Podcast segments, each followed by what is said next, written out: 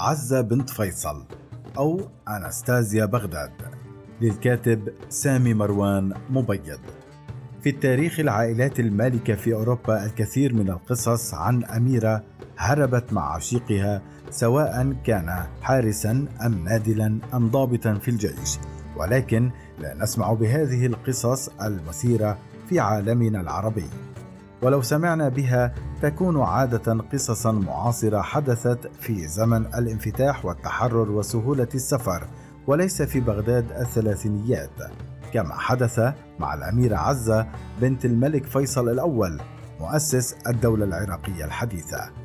قليل من الناس تطرقوا لقصتها يومئذ احتراما لأبيها وجدها الشريف حسين بن عبد الله ملك الحجاز وقائد الثورة العربية الكبرى ضد الدولة العثمانية. فيما يلي فصل من تاريخ العراق أراد كثيرون أن يبقى منسيا.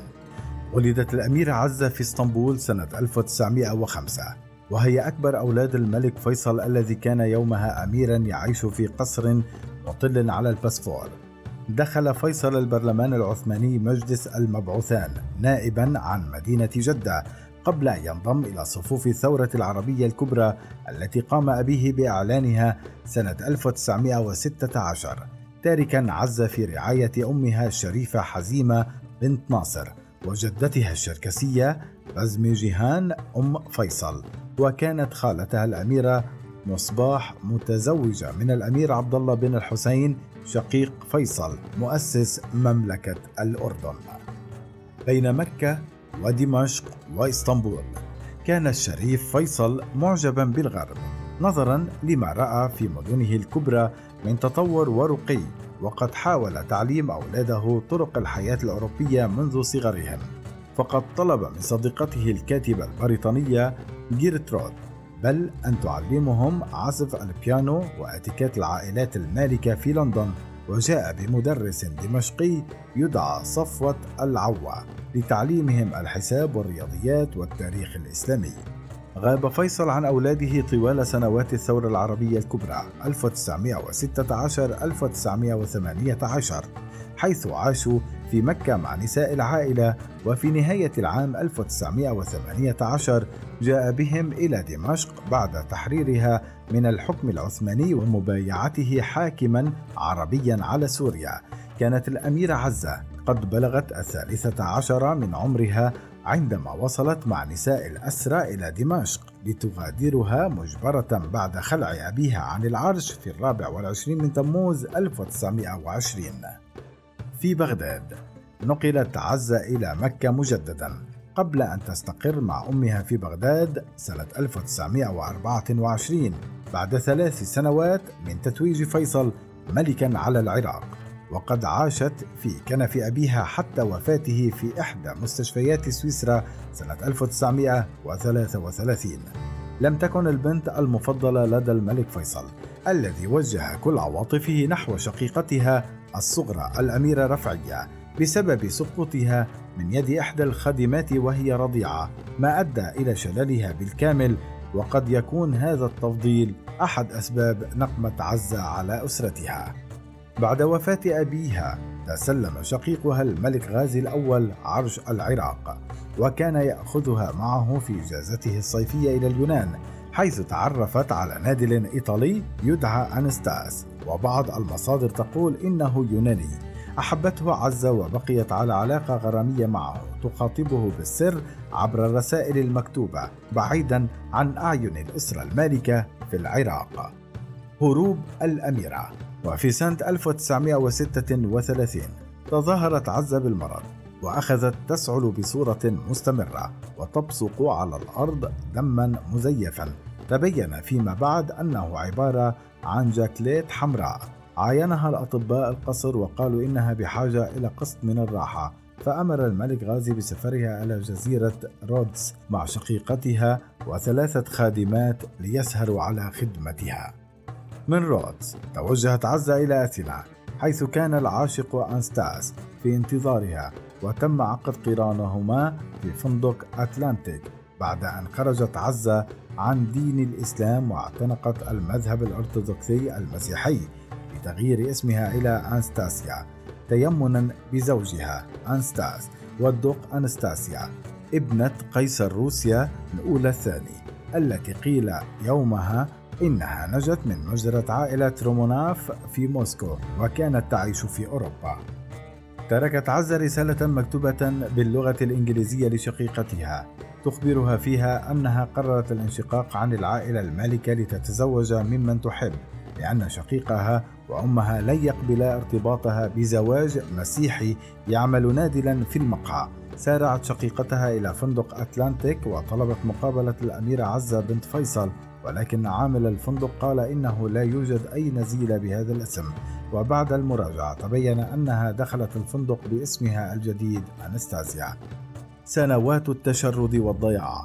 ثار القصر الملكي في بغداد عند سماع خبر هروب الأميرة. وصدر قرار ملكي بطردها من الأسرة الهاشمية.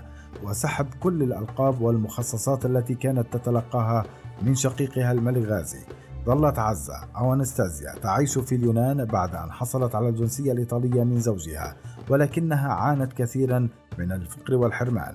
وبعد أن استولى الزوج على أموالها ومجوهراتها وقام ببيعهما بأبخس الأثمان لكي يعيش. هو رجل بسيط غير متعلم وغير مؤهل لأي وظيفة تضمن له ولأسرته الصغيرة دخلا محترما.